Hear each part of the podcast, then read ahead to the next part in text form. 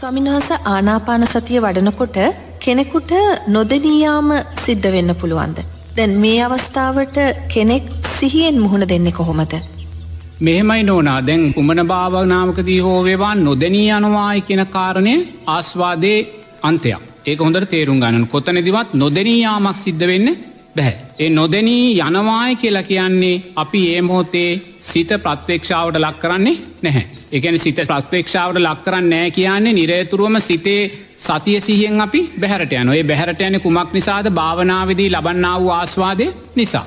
ඒ ආස්වාදයේ තිවුණු භාවය නිසා සතිය සිහිය දුරල වෙනවා අනිවාර්යම ආස්වාදය අන්තයක් කරා අපි හැම්වෙලාම ගමන් කරන ඒක කියන භාවනා කරන කෙනා හැමවෙලාම සිත ප්‍රත්වේක්ෂාවට ලක් කරන්න ඕන. සිත ප්‍රත්වේක්ෂාවට ලක් කරනවා කියන්නේ සිතේ ස්වභාවය නිරේතුරුවම සතිය සිහියෙන් යුතුව දකිමින් ඉන්නවෙනවා. මෙතනතිනම් දකිනවා ආනාපාන සතියේදී විදර්ශනා විදිනක් නුවනින් මෙනේ කරන එත එතන තමයි සිත ප්‍රත්වේක්ෂාවට ලක් කරනවා කියන හැම්වෙලාම සිතේ ස්වභාවය දකිමින් අපි කටයුතු කරනවා. එමනැත්තන් සිත විදර්ශනා නූට ලක් කරමින් කටයුතු කරනවා. එනිසා ආනාපාන සති භාවනාවේදී හුඟාක් වෙලාවට නොදැනී යනවායි කියෙන කාරණය පිංහතුල්ලා නගන්නේ. එයා ආශ්වාසේ දිගභාවය දකිමින් ඉන්නවා. ආශ්වාසේ දිගභාවේ දකිමින් ඉන්නකොට ආශ්වාසය ක්‍රමාණුකුලුව කෙටි වෙනවා කෙටිභාවය දකිමින් ඉන්නවා. කෙටිභාවයක් සියුම් වෙලා අන්න ආශ්වාසය සංහිදීම කියන තැනෙනවා ඒ කියන්න අර සියුම් ආශ්වාස පැල්ලක් දැන් උදරය හර ක්‍රියාත්මකන එතර යාට නාසයෙන් ආශ්වාස ප්‍රාශවාසයක් දැන් දැනන්නේ නෑ කියන්නේ යාගේ ඉන්ද්‍රියන් හොඳටම සංග්‍ර වෙලා තියෙන්නේ තේ අර ගොරෝසු ස්භාවය නැති වෙලා පංචනීවරණ යට පත් වුණ. මෙන්න මේ තැනදි තමයි භාවනා යෝගයා කියන්නේ නොදැනී යනවායි කියෙන කාරණය. එතොට මෙන්න මේ නොදැනී යනවායි කියෙන කාරණය සකස් වෙන්න කුමක් නිසාල්ද අර ආශ්වාසේ සියුම්භාවයට නැත්තන් සංහිදීමෙන් හිත බැහැරට ගන්න ඔය. මෙතන තියෙන්න්න වූ ආස්වාදය නිසා ආනාපාන සති භාවනා තුළ ලබන්න වූ ආස්වාදය නිසා ඒ ආස්වාදයේදිම තුළින් මේ අන්තයට යනු. එනිසා මොනම හේතුවක් නිසාවත් අර සියුම් සුරන්ලැල්ලෙන් බැහැරට හිතගන්න එපා. හැම වෙලා මර සියුම් සුරන්රැල්ල දකිමින්ගින්. ස්වාමින්වහන්ස දැන්න සුළංරැල්ලෙන් බාහිරට අපේ හිත යනකොට නැවතත් සුළංරැල්ල කෙරෙහි හිත පිහිටුවීමට අපි අපේ හිතට බල කරන්නේ කොහොමද. මෙහෙමයි උතන ප්‍රශ්න තියන සතියසිය ගෙන වචනේ අරමුණ කෙරෙහි ඇතිකරගන්නාව සතියසා සීය තේෙන්න්නද එතොට අරමුණ කෙරෙහි සතියසා සිහිය ඇතිකරගන්න නම් අපි නිරේතුරුව මේ භාවනාව පිළිබඳ නුවනින් මෙනෙහි කරලා දකින්න වෙනවා. භාවනා කරන්න පෙරාතුව කුමක්ද මෙතන මෙහෙම දෙයක් මතුනොත් කුමක්ද මෙතැදි කරන්න ගෙ තනතමයි ගුරුවරයා කියන කෙනගේ හෝ ඊට අදාළ සූත්‍රයේ තින වටිනාකම තියෙන්නේ. එනිසා නිරේතුරුවම එතනදී අපේ ආශ්වාසය සියුම්භාවට සංහිදීන සුදාවට පත්වනාට පස්සේ ඒ සියුම් සුලන්රැල්ල දිහ දකිමින් අපි ඉන්න. ඒ සියුම් සුරන්රැල්ල දකිමින් දකිමින් දකිමින් ඉන්න තැන තමයි අන්න අපි ඒ සුරන්රැල්ල දැකීම නවත්තල දැන් අපි ප්‍රීතිය කියන කාරණය ඇතිකර ගන දැම පලවෙනි ධ්‍යානතලට එන්න තැන තමයි යොතන සකස්වෙන ඕක ධ්‍යානමටම නෙමේ තාම් පලවෙනි ධ්‍යාන්තලට ආවෙන පලවෙනි ධ්‍යාන්තලට ආවනම් ප්‍රීතිය සැපේ තියෙන් ඕන. දැ එතන්දි අනිවාරයම තාම් පලවෙනි ධ්‍යාන මට්ටමට ඇවිල්ල නෑ. නිසා තමන් දක්ෂ වෙන්න ඕනේ. අර ආශ්වාස ප්‍රාශ්වාසය සියුම් වෙලා සියුම් වෙන තැනදී ඒ අන්තයට යන්න දෙන්න නැතුව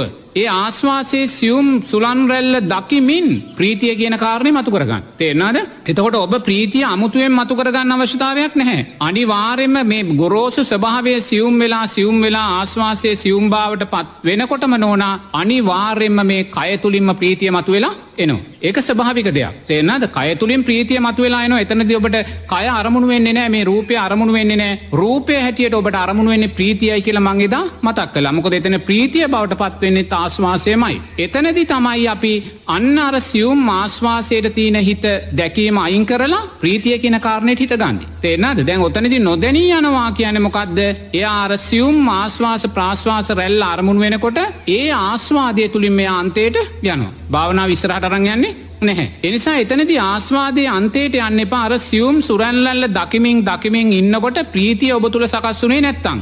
ඔබ ප්‍රීතිය ඇතිකරගන්න දක්ෂ වෙන්න ඕනි. තේරනාද ඔදර ඔබ ප්‍රීතිය ඇතිකරගන්නවා කියන්නේ ඒ මොහොතේ තියෙන්න්න වූවර සප්ත බොජ්ජංග වැඩෙන පංචනීවන්න යටපත් වනා වූ දැක්ම තුළින් ඔබ ප්‍රීතිය මනසින් ඇති කරගන්න. දැන් ඔබට පුළුවන්න්නේ ශරීරය ප්‍රීතිමත් භාවයට පත්වවෙන්න දැන් ආනාපාන සතිය වඩන්න නැති කෙනෙක් එයා හිතනවා මට මේ භාවනාව කරන්න බෑ මේක ගැඹුරු ඒ වගේ අර හිතට යට වෙලා හිත මාරය හැටියට දකින්න ඇතු එයා භාවනාවලින් ඇත්වෙලා ඉන්නවා. නමුත් එයාට නෝනා අපි කියමු රාත්‍රයට නින්දට යනවා කියලා නින්දට ගිහිල්ලා එයා කොට්ටට ඔළුවතියාගෙන මොහොතක් දකින්න ප්‍රීති ප්‍රීති ප්‍රීති ප්‍රීති කියමින් ප්‍රීතියම ප්‍රීතියම ප්‍රීතියම ප්‍රීතියම වඩන්න එතකොට මේ ශරීරය ප්‍රීතිමත් භාවට පත්වෙන නොන. ඒක මේ ආනාපාන සති ධ්‍යානට අදාළ දෙයක් නෙමේ. නමුත් එතෙන්ට යන්න බය කෙනෙක් එතෙන්ට යන්න සැක කෙනෙක් එතෙන්ට යන්න අමාරුයි කියන කෙනෙකුට මේ ආනාපාන සතිය තුළ සකස් වෙන්න වූ ප්‍රීතිය පිළිබඳ යම් චිත්‍රයක් ඇතිකරගන්න පුළුවන්. එකන රාත්‍රී නින්දට ගිහිල්ලා කොට්ටට ඔළුවතියාගත්තට පස්සේ ඔබ අනිත් අරමුණු සියල්ලෙන් බැහර වෙලා ආශවාස ප්‍රාශවාසලට හිතයමු කරන්න එපා. මේ ආනාපාන සතියට අදාළ දෙයක් නෙමේ. නමුත් මෙතැන්දි චන්දය ඇති කරගන්න ආනාපාන සතිය කරේ චන්දය ඇති කරගන්න ආනාපාන සති භාවනාවේ ධ්‍යාන මට්ටම් කරේ චන්දය කැමැත් ඇති කරගන්න. ඔබ රාත්‍රියයට නින්දර ගිල්ල කොට්ටට ඔලුවතියාගෙන ප්‍රීති ප්‍රීති ප්‍රීති ප්‍රීති කිය කිය ප්‍රීතියම වඩමින් වඩමින් වඩමින් මේ ශරීරය ප්‍රීතියෙන් කුල්මත් කරගන්න. ඔබට පුළුවන් එක් කරගන්න. තේන්න එතකොට ඔබට දකින්න පුළුවන් මේ මොහොතේ මේ සමාධිගත තත්ත්වයකට යන්නේ නැතුව මම මේ නිදීරියව්වෙන් ඉදම් මගේ ශරීරය මේසා ප්‍රීතියකට පත් කරගන්න පුළුවන්නම් ප්‍රීතියේ ආස්වාදයට යටත් කරගන්න පුළුවන්න ආනාපාන සති භාවනාවතුලින් කොයිසානම් මේ ප්‍රීතිය කියෙන කාරණය මතුකරගන්න පුළුවන්ද කියන කාරණ. එතැන්දි අර ආස්වාසේ සියුම්භාවය සකස් වනාට පස්සේ තමා තුළ ප්‍රීතිය සකස් වෙන්න නැත්තං. නොනා තමන්ට තියන ප්‍රීති අරවිදියට මතු කරලා ගන්න. මෙනේ කිරීමන්නේ මේ දකිමින් මතු කරල ගන්න ඔන්න ඕන මෙනේ කරන්න ගියොත් ආයිමත් විචාර විතරක බරපතල වෙනවා තියන්න. තමන් දකිනවා ප්‍රීතිය දකිමින් දකිමින් දකිමින් හිතන්නේ නැතුව දකිමින් දකිමින් ශරීරය ප්‍රීතිමත් කරගන්න. එතොරේ ප්‍රීතිමත් කරගනිති දැන් ආශවාසේ සියුම්භාවය දිහ අපි දකින්නේ නැහැ. තේනද සියුම්භාවය දැක දැක ප්‍රීති ඇති කරගන්න බැහැ එතෝට මේ විතර්ක සකස්සේ නොහොදේ සමාධී දුර්වලනවා ආශවාසේ සියුම්භාවය ගැන නොහිතා දැන් අන්න දැන් තමන් මනසින් ප්‍රීති ඇති කරගන්න. එතෙන්ට ඒ තැනට ආවාට පස්ස නොන ඔකොතන ප්‍රශ්නය මතු වෙන්නේ නැහැ මොකොද ශරීරය ඒ තරමටම සියුම්භාවයට පත් වෙලා. යාට මේ ගොරෝසු කයක් දැනෙන්නේ නැහැ. එනිසා දැන් අපි මෙහෙම කතා කලාට එයාට ඒ තැනට ආවට පස්සේ ආශ්වාසයේ සංහිදුනා වූ සියුම් තැනට ආවාට පස්සේ ප්‍රීතිය අනිවාර්යම ඇති වෙනවා. ඇති වුණේ නැත්තං ප්‍රීතිය දුර්වලතාවයක් තියෙනවනං එයා ප්‍රීතිය දකිමින් දකිමින් දකිමින් ප්‍රීතිය ඇති කරගන්න එහෙම දකිද්දි නොදනීයමක් සිද්ධ වෙනවාද නොදනයාම සිද්ධ වෙන විදිහ නැහැ මොකදයා ප්‍රීතිය දකිමිනුයි ඉන්න. එතොට ප්‍රීතියට පෙරාතුවය ආස්වාසේ සියුම්භාවය දකිමිනුයි ඉන්න ඒක නොදනයාමක් සිද්ධ වෙන්නේ එතොට දැන් ඔය හැම තැනකදිම කෙනෙක් කියනවන නොදැනී යනවා කියලා ඒ කියන්න එයාගේ භාවනා අරමුණ කරේ සතියසීය දුරලයි. ඒ අන්තයක් භාවනාවේ ආස්වාදය අන්තයක් බවටයි පත්වවෙන්නේ. එනිසා කොයිම වෙලාවකවත් ආස්වාදය හබාගෙන අන්තයට යන්න එපා හැම්වෙලාම අරමුණ කෙරෙයි හොඳින් සිහිය පවත්වාගන්න ඒ කියන නිරේතුරුවම සිත ප්‍රත්වේක්ෂාවට ලක්කර කරන්න අනවශ්‍ය අරමුණු කරා හිත යන්න දෙන්න එපා නිරේතුරුවම පවතින්නා වූ ස්භාවය සුලන් රැල්ලේ සියුම් ස්භාවය ප්‍රීතිමත් ස්භාවය සැපය මේ සෑම දෙයක් දෙසම දකිමින් ඉස්සරහට අදදි නෝනා නොදැනී යනවා කියන කාරණය භාවනාවකට කොතනදිවත් අදාළ වෙන්නේ නැහැ. ගරු ස්වාමින් වහන්ස ආනාපාන සතිය වඩන විට බුදුරජාණන් වහන්සේව දර්ශනය වනවද. සමහර භාවනා කරන භාවනායෝගීන් මං ගිය වැඩ සටහනිදී උපක්ලේෂයන් ගැන මතක් කලා. මේ උපක්ලේෂයන් ගැන මතක් කරද්දී නිරේතුරුවම නෝනා සමහර පිංහතුල්ලා භාවනා කරන්න අද්දි නිරේතුරුව කියන දෙයක් තමයි මම බුදුරජාණන් වහන්සේව දැක්කා. මම දෙවියන් දැක්කා මම අමනුෂ්‍යයින් දැක්කා මම බුදුරජාණන් වහන්සේගේ කාලේ පැවිදි වෙලා ඉන්නවා මම දැක්කා. මේ සෑම දැක්මක්ම නෝනා උපක්ලේෂ ගනයටයි දාන්නවෙන්නේ. භාවනා කරන්න යන කෙනා නිරේතුරුවම රූපය මාරයා හැටියට දකින්නම වෙන නෝනා. භාවනා කරන කෙනා රූපය මාරයා හැටියට දකින්න බෙනවා රූපය මාරයා හැටියට නොදැක භාවනා කරන්න ගියොත් අපිට භාවනාවේ සැබෑ ප්‍රතිඵල ගන්න බැහැ. මොකද මේ පුරුදු වෙන්න භාවනා කරනවාන මේ සාරා සංක කල්ප ලක්ෂ සියක් කෝටි ප්‍රකෝටි ගානක් කාපු මේ දීර්ග බව ගමනදිනෝනා අපි බුද්ධෝත්පාද කාලවලත් අබුද්ධෝත්පාද කාලවලත් එරමිනිිය ගොතාගෙන භාවනා කරපු කාලයන් එක දිගට අපි මැනල ගත්තොත් කල්ප ගානක් අපි එක දිගට එරමිනිිය ගොතාගෙන ඉඳලා තියෙන. ඒසා එරමිනිිය ගොතාගෙන අපි සංසාරය භාවනා කළ තියෙන. නමුත් ඒ සෑම තැනකදිම අපි රූපය මාරය හැටියට දැක්කේ නැහැ. එනිසා බුදුරජාණන් වහන්සේ දේශනා කරන්නේ තමන් ආනාපාන සති භාවනාවේදී වේවා විදක්ෂනාවකදිවේවා නෝනා රූපයක් අරමුණු වනොත් ඒ රූපය බුදුරජාණන් වහන්සේගේ උඩත් ප්‍රශ්නයක් නෑ සාරිපුත්ත මහරහතන් වහන්සේගේ උනත් ප්‍රශ්නයක් නෑ රුවන්වැලි මහාසෑ අරමුණුනත් ප්‍රශ්නයක් නෑ හිත මාරයා රූපය මාරයා කියල අපි දකින්න ඕනේ. දැකල වහා මේ හිත අනිත්‍යයි කියලා දැකලා අරමුණට හිත පිහිටන්න ඕනේ. අරමුණට හිට පිහිටුවේ නැත්තන්න ඕනා නිරේතුරුවම අපි අර අරමුණුනා වූ දැක්කා වූ රූපය නිසා නැවත නැවත නැවත නැවත භාවනාව නිසාම භවය සකස් කරගන්න වූ අවසනාවන්තය බවට පත්වෙනවා. නමුත් බුදුරජාණන් වහන්සේව දකින අවස්ථාවන් දෙවියන් දකින අවස්ථාවන් භාවනාව තුළ තියෙනවා. නමුත් එතෙන්ට යන්නේ නෝනා හතරවෙනි ධ්‍යානතලේ සකස් කර ගත්තාට පස්සේ. හතරවෙනි ධ්‍යානසලයට සකස් කරාගත්තාට පස්සේ රූපාවචර ධ්‍යාන මට්ටංගොලට යනව අරූපාවචර ධ්‍යාන මට්ටංගොලට යනනම් අරූපාවචර ධ්‍යානෝ කරයන්න පුළුවන් එහෙම නැත්තන් අර චුතූපපාත ඥාන පූර්ුවත් නිවාර්ශාසන උස්ඥානය දිව්‍යසෝත දිව්‍යචක්කු ජානයන් කරයන්නත් පුළුවන්. නමුත් මේ කොතෙන්ට යන්නත් අපි හතරවෙනි ධ්‍යානතලයට යන්න වෙනවා. හතරවෙනි ධ්‍යානතලයෙන් පස්සේ බුදුරජාණන් වහන්සේ සූත්‍රගත ධර්මදි චුතූපපාතඥානය පූර්ුවේ නිවාසානුසිඥානය ගැන කියන්න. එතකොට යම් කෙනෙකුට හතරවෙනි ධ්‍යානතලය ඉක්මවාගයාට පස්සේ අවස්සනන් චුතූපපාතඥානය පූර්ුවේ නිවාසාසුඥාන කරයන්න පුළුවන් නමුත් ඒක බුදුරජාණන් වහන්සේ වර්ණා කරන තැන නෙමේ. එනිසා නිරේතුරු අපි ඒවා දකිනවා කියන්නේ නෝනා අතීත පංචුපාදානස්කන්දයක් දකිනවා කියන කාරණයයි. වෙන දෙයන්නෙමේ. මම පෙරජීවිතේ කෞුද කියලා මං හොයනවා කියන මොකක්ද අතීත පංචුපාදානස්කන්දයක් හොයනවා. මේ වර්තමාන පංචුපාදානස්කන්දයක් අනිත්‍යනං අපි අතීට පංචුපාදානස්කන්දයක් කොයන එක වැඩත්තිනවාද වැඩක් නැහැ. එනිසා නිරේතුරුවම එක්කෝයි හිත අනිත්‍යයි කියල දකින්න නැත්තන්ගේ දකින්නා වූ භාවනාවේදී දකින්නා වූ රූපයන් අනිත්‍යය කියල දකිින්. තේරනාද. මොකද අපි බුදුරජාණන් වහන්සේ කියද්දී නෝනා අපිට බුදුරජාණන් වහන්සේ එක පාට්ට මැවිල පේනවා. තේනත්. මොකද අපි මව් කුසේ ඉදම්ම බෞද්ධයෝ නේ අපි මවකුසේ ඉද්දිත් අම්මාගේ මවකුසේ ඉද්දි අම්මා කරණය මෙත සූත්‍රය කියනකොට අපි මවකුසේ ගර්භාශීන්දල අහගෙන හිටිය. අම්මා පන්සල් ගිහිල්ල වඳිද්දිය අම්මා තුළ සකස් වෙන්න වූ සප්ත බොජ්ජාග ධර්මයන් ඒ දරුවා තුළත් සකස් වුනා. අම්මලා පිරිස්සූත්‍රයක් කියනකොට පින්කමක් කරනකොට සාධසාධ කියනකොට සෑම දැනීමක්ම මවකුසේ ඉද්‍ය අපි ලැබවා. ඒවගේ අපි මේ බෞද්ධ අම්මා කෙනෙගේ මවකුසේ ඉපදුනේ පෙර ජීවිතවලත් අපි අනිවාර්යම බෞද්ධෙක්මයි. මේ මනුස්ස ලෝකයේ මේ බෞද්ධ හැටියට ජීවත් වෙලා හුඟාක් සීයට අනූ පහක්ම නෝනා බුදුරජාණන් වහන්සේගේ කාලේ ඉදම්ම මේ මනුස්ස ලෝකයේ තුළම දෝලනයවෙනින් එන පිරිසක්. බුදුරජාණන් වහන්සේගේ කාලෙයිදම්ම මේ මනුස්ස ලෝකයේ තුළම පින්කරමින් දන් දෙමින් මේ දෝලනයවෙමින් මැරමින් ඉපදමින් පැටිච්ච සම්පන්න වෙන පිරිසක්. ඒනිසා බුදුරජාණන් වහන්සේගේ රූපකාය නෝන අපේ හිතේ ඇඳිලා තියෙන්නේ. එතොට භාවනාවේදී අර සියුම් වෙලා සියුම් වෙලා සියුම් වෙලා අර ආස්වාදය මතු වෙලා එනකොට නෝනා රැඳී තියෙන්න්නාව මතකේ තියෙන්න්නාව රූපයන් මතු කරලා පෙන්නෙනවා. සමහරිට ඒක පෙරජීවිතය අපි භාවනා කරද්දී අපි මතු කරලා දැක්කාව රූපය වෙන්න පුළුවන්. එතකොට මේ සෑම දෙයක්ම නෝනා උපක්ලේශකින් ගනයටයි වැටෙන්. නමුත් යම් කෙනෙක් කතරවෙනි ධ්‍යානතලයට ගිහිල්ලා. චුතූපපාතය වඥානය වඩලා පූර්ුවේ නිවාසානුස්සචිඥානය වඩලා අතීත බුදුරජාණන් වහන්සේ දැක්කා දෙවියත් දැක්කා තමන්ගේ පෙරජීවිතය දැක්කා කියන එක උපක්ලේශොල්ට ගැනන්නේ නැහැ තේරන ඒක හොඳ තේරුම් ගන්න ඒක උපක්ලේශොල ගැනන්න එක ඥානයක්. ඉම් මෙහා නෝනා අපි මේ දකින සෑම කාරණයක්ම උපක්ලේෂයන් ගනයටයි දකින්න.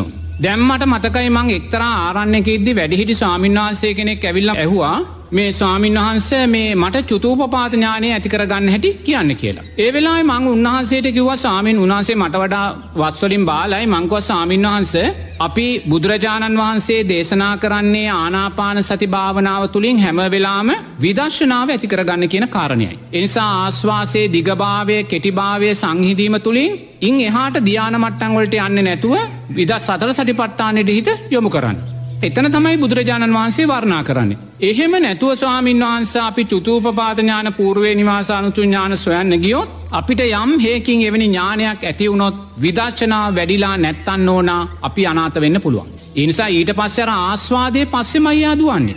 එයා අතීතය හොයනවා මැරිලා නැවත උපදින තැන් හොයනවා දෙවියෝ දකින්න හදනවා දිව්‍ය චක්කුවහන් අදනවා ඒ පැත්තට හිත ඇදිලා යනවා ආස්වාදයට විදශනාවට යොමක් වෙන්නේ නැහැ. එනිසා මංකුව සාමීන් වහන්ස ඔබහන්සේට වටින්නේ චුතුපපාතඥානය සොයන එක නෙමේ. එනිසා මේ හිත සංහිදුණු තැනට අරගෙන සමාධිමත් හිතක් ඇති කරගෙනේ සමාධිමත්හිතෙන් සතර සටි පට්ටාන ධර්මය මෙනෙහි කරන්න කියලා. ඒ වෙලාවේ මේ ස්වාමීන් වහන්සේ එක පාට්ටමකෝ සාමීන් වහන්සේ මම නේව සංඥා ඥාසඥාත් වඩනවා කියලා. දැන්නවන නේව සංඥා ඥාසංඥා කියන මේ අරූපයට අදාළ ධ්‍යාන. මම ඒවා ගැන දසමයක්වත් දන්නේ නැහැ. උන්වහන්සේ කියනවා මම නේව සංඥා ඥාසංඥාත් වඩනවා කියලා. ඉතින් දෙයනේ මං ඒ වෙලාවේ ඇහුවන් ඔබහන්සේ නේව සංඥා කියන කොයි වගේ ධ්‍යාන ඇද මොකක් දේවෙලාවේ තියෙන්න්න උසභාවය කියලා. එවෙලාවේ සාමීන් වහන්සේ කියනවා නේව සංඥා කියන්නේ එක පාට ආලෝක සංඥාවත් සකස් වෙනවා බෙල්ල කඩාගෙන වැටෙනවා කියලා. දැමොකද මේ කියන එක පාට ආලොක සංඥාව සකස්සෙනවලු බෙල්ල කඩාගෙන වැටනොල එකෙන හිස මෙහම කඩාගෙන වැටනොල් ඒ කියන්න ඕනා තද බල පංචනීවරණයන් තුළයි ඉන්නේ. ඒගැන සාමාන්‍යයෙන් පලවෙනි ධ්‍යාන මට්ටම කොටවත් ඇවිල්ල නැහැ. මං ඇහව ඔබවහන්සේට කෞද කිව ඕක නේව සංඥා මේ අරූපී ධ්‍යානය ඕකයි කියලා? නෑ මගේ ගුරුවරයට මම කිව්ව ගුරුවරයකුව මේක තමයි නේව සංඥා ධ්‍යානිකෙල් ගුරුවරයක් රැවටිලා ගෝලයක් රැවටිලා. මොකොටද මේ රැවටිලා තියන්නේ? උපක්ලේශ ධර්මයන්ට? නමුත් සමාධිය උන්වහන්සේ තුළ තියෙනවා. සමාධිය තියෙන ඕන වෙලාක කුටුවේ දොරවහගෙන උන්වහන්සේ සමාධිය තුළ ඉන්නේ. නමුත් සමාධිය තිබ්බත් උපක්ලේශයන්ට රැවටිලා. අර පංච නීවරණයන් තුළ ඉන්න වූ ස්භාවයක් බෙල්ල කඩා වැටෙනවා කියන අනිවාර්ය මේ වෙලා පංච නීවරණ තුළ ඉන්නේ.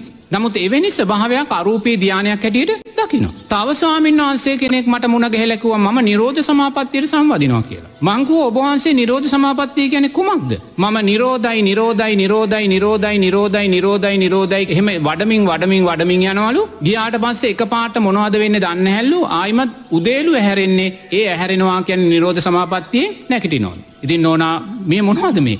සනිකර නෝනා මේවා උපක්ලේශ ධර්මය. මේ උපක්ලේශ ධර්මයන් නිසා මේසා බලවත් අනතුරු අපේ ස්වාමින් වහන්සේලා පවසිද්ධ කරගන්න. එනිසා මොනම අවස්ථාවකවත් භාවනාවේදී රූපය මාරයා හැටියටම හිත මාරය හැටියටම දකින්න. විතර්ක සකස් වෙන මොහොතක් පාසා නැවත නැවත නැවත නැවත අපි භවය සකස් කරගන්නවා භාවනාවේ නාමෙන්ම. එනිසා කොතනකදිවත් භාවනා කරද්දී බුදුරජාණන් වහන්සේ දැකීමේ අරමුණෙන් භාවනා කරන්න එපා. දෙවියෙක් දැකීමේ බමුණුස්සෙක් දැකීමේ අරමුණෙන් පෙරජීවිතයේ දකින්න භාවනා කරන්න එපා. භාවනාව නිරේතුරු ඔබ යොමු කරගන්න ඕනේ මේ බවදුක සිඳගන්න විදර්ශනානූ නැතිකර ගැනීමේ අරමුණෙන්මයි. අර පැති වැඩිලා ගියොත් ඔබ මේ සම්මා සම්බුද්ධ ශාසනයත් අහිමි කරගන්න. එනිසා ඔබ බුදුරජාණන් වහන්සේ දැක්කා කියන්නේ උතුම් සෝවාන් පලයට පත්වනොත් පමණක් මයි. ඔබ භාවනා කරන්න ගිහිල දවසගාන බුදුරජාණන් වහන්සේ දැක්කා කියනවනං ඔබතාම සෝවාන් පලට පත් නොවී ඒ කියන්නේ ඔබතාම බුදුරජන් වහන්සේ දැකලා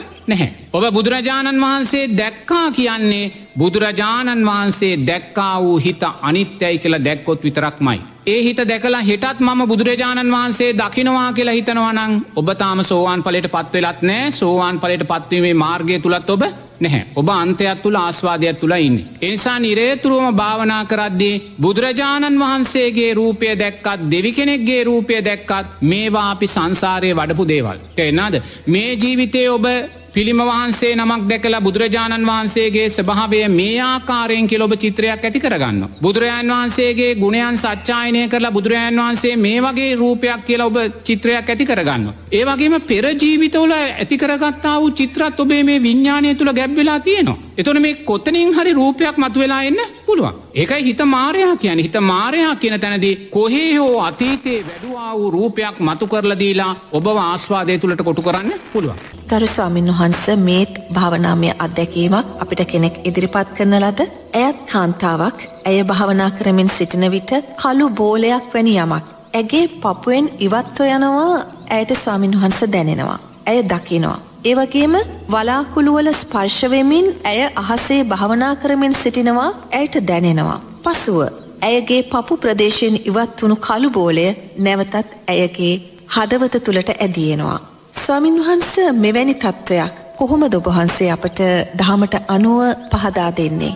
මෙහෙමයි නොන්ද එතැනදිත් වනේ අර අරමුණ කරේ සතියසීය පැවැත්වෙන හැ. දැන් කළු බෝල දකින්නේ උඩයනවා දකින්නේ මෙතැන්ට හිත තිබ නැති නිසානේ. එතු දැන් ආස්වාසේ සියුම් රැල්ලට හිත තිබ නැති නිසා සියුම් රැල්ලත් පස්සේ අර පීතියට හිත ගත්ත නැසිසා සැපේට හිත ගත්ත නැසිනා නොය ඔය පැත්ත හිත දුවල තියනෙද එච්චරයි. ඔය දුවපු හිතක් ගැන නොය කියන්න. එතොරේ ඇයිඒ හිත දිව්වේ? මෙතන සැබෑ සම අරමුණ කරේ හිත පිහිටුවේ නැහැ. දැන් කෙනෙක් සැබෑ අරමුණ කරේ ආශ්වාසය කිරීම හිත පිහිටගෙන යනවනං ආශ්වාසයේ දිගභාවය කෙටිභාවය සියුම්භාවය දකිමින් දකිමින් යනවනං සියුම්භාවය සකස් වන තැනයා ප්‍රීතිය මතු කොල්ල ගන්න නොන ඕවත් පේන්න විදිියන්නේ ඕ කොහොද පේන. ඔතන තමයි උපක්ලේෂන්ගේ සියුම්භාව. ඒක අල්ලන්න බැහැ උපක්ලේෂන්ගේ සියුම්භාවය එක ඒක අපිව දිගින් දිගටම දිගින් දිගටම රවට්ටන එක රැවටීමෙන් බැහරවෙන්න අපි උතුම් සෝවාන් පලට පත්වෙච්ච මොහොතක. එතකං අපිට මේක මේක රවට්ටගෙන යන. මොක දේවා ආස්වාදයන් නිසා එක පාටයා හිතේතෙන්ට ගන්න.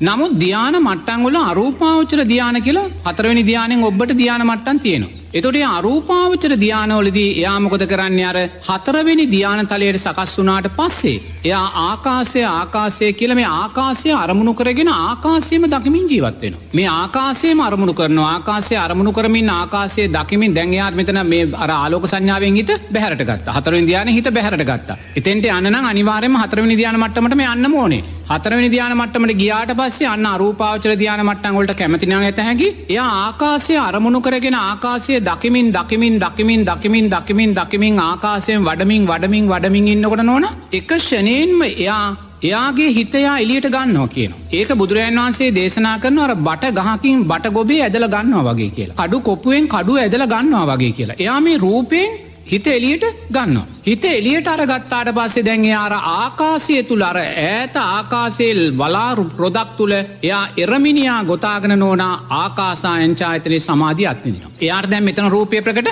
නැහැ. මෙතන රූපය ප්‍රකට නෑ දැම් මෙතන රූපය ප්‍රකට නෑ කියල විඤ්ඥානය මෙතනින් බැහරට ගිල්ල නැහැ. සමාධී ආස්වාදය විඤ්ඥානය මෙත රූපයෙන් බැහරට ගිල නෑ මේක මළඟදක් වෙලා. නමුත් එයාට දැම් මේ රූපය ප්‍රකට නෑ එයාර ආකාසේ වඩමින් වඩමින් වඩමින් දැන්යා කැමතිතා කාලයක් නෝනා ආකාසායංචායතනය තියෙන්න්නාව අරූපී ධ්‍යානය ආස්වාදය විදින. දැන් එයාට පේනොයා සියුම්ම ඒක සියුම් රූපයක් ගණරූපයක් නෙමේ සියුම්ම ඉරමිනිිය ගොතාගනයා අර ආකාසය වඩනවා වඩනවා මිසක් එයාට මේ රූපයක් ගැන නෝනා එක දසමයකවත් දැනීමක් නැහැ. ඕකනේ අරූපය තුළ රූපයක් නෑ කියලා කියන්නේ දැන් සමාර ස්වයින්නාසල කියනවනේ අරූපය තුළ රූපයක් නෑ කියලා අරූපය තුළ රූපයක් නෑනෙමේ රූපයක් තියනවා රූපය ප්‍රකට නෑ මෙතනත් රූපය තියනවා අතනෙත් ඇතිකරගත්තාව මැවුණාව රූපයක් තියනවා. එතුර මේ දෙකම රූප තමයි. තමුත් රූපය අපිට ප්‍රකට නැහැ. රූපය ප්‍රකට නෑ කියන කාරණයෙන් රූපය මිදුනායි කියෙන ඔතන තමයි ආලාර කාලාම උද්දකරම් පුත්තරලා හිතුන දැන් අපි මිදුන කියලා නිරෝධය මේකයි කියලා. නේද. පෝජිසත්වයෝ තමයි නෑ මෙතන තාමත් අපි ආස්වාදයක් තුළ ඉන්නවායි කියලා දැක්කේ. එනිසා අරූපී ධ්‍යාන මට්ටංගොල ආකාසායංචායතනය තුළ එයා අර අරූපී ධ්‍යානය සකස් කරගෙනන්නවා යාට මේ රූපය ගැන පොඩ්ඩක්ත් ප්‍රකට නැ නමුත් සතිය සිහ තියුණු යා අතන රූපය ගැන ආකාසායංචාතනය අරමුණෙන් බැහට හිතයන්නේ නැහැ. අරමුණෙන් බැහරට හිත ගියොත් ඒ ආකාසායංචායතනය සමාධිය නොදැක හිටියකමන් එයා එතන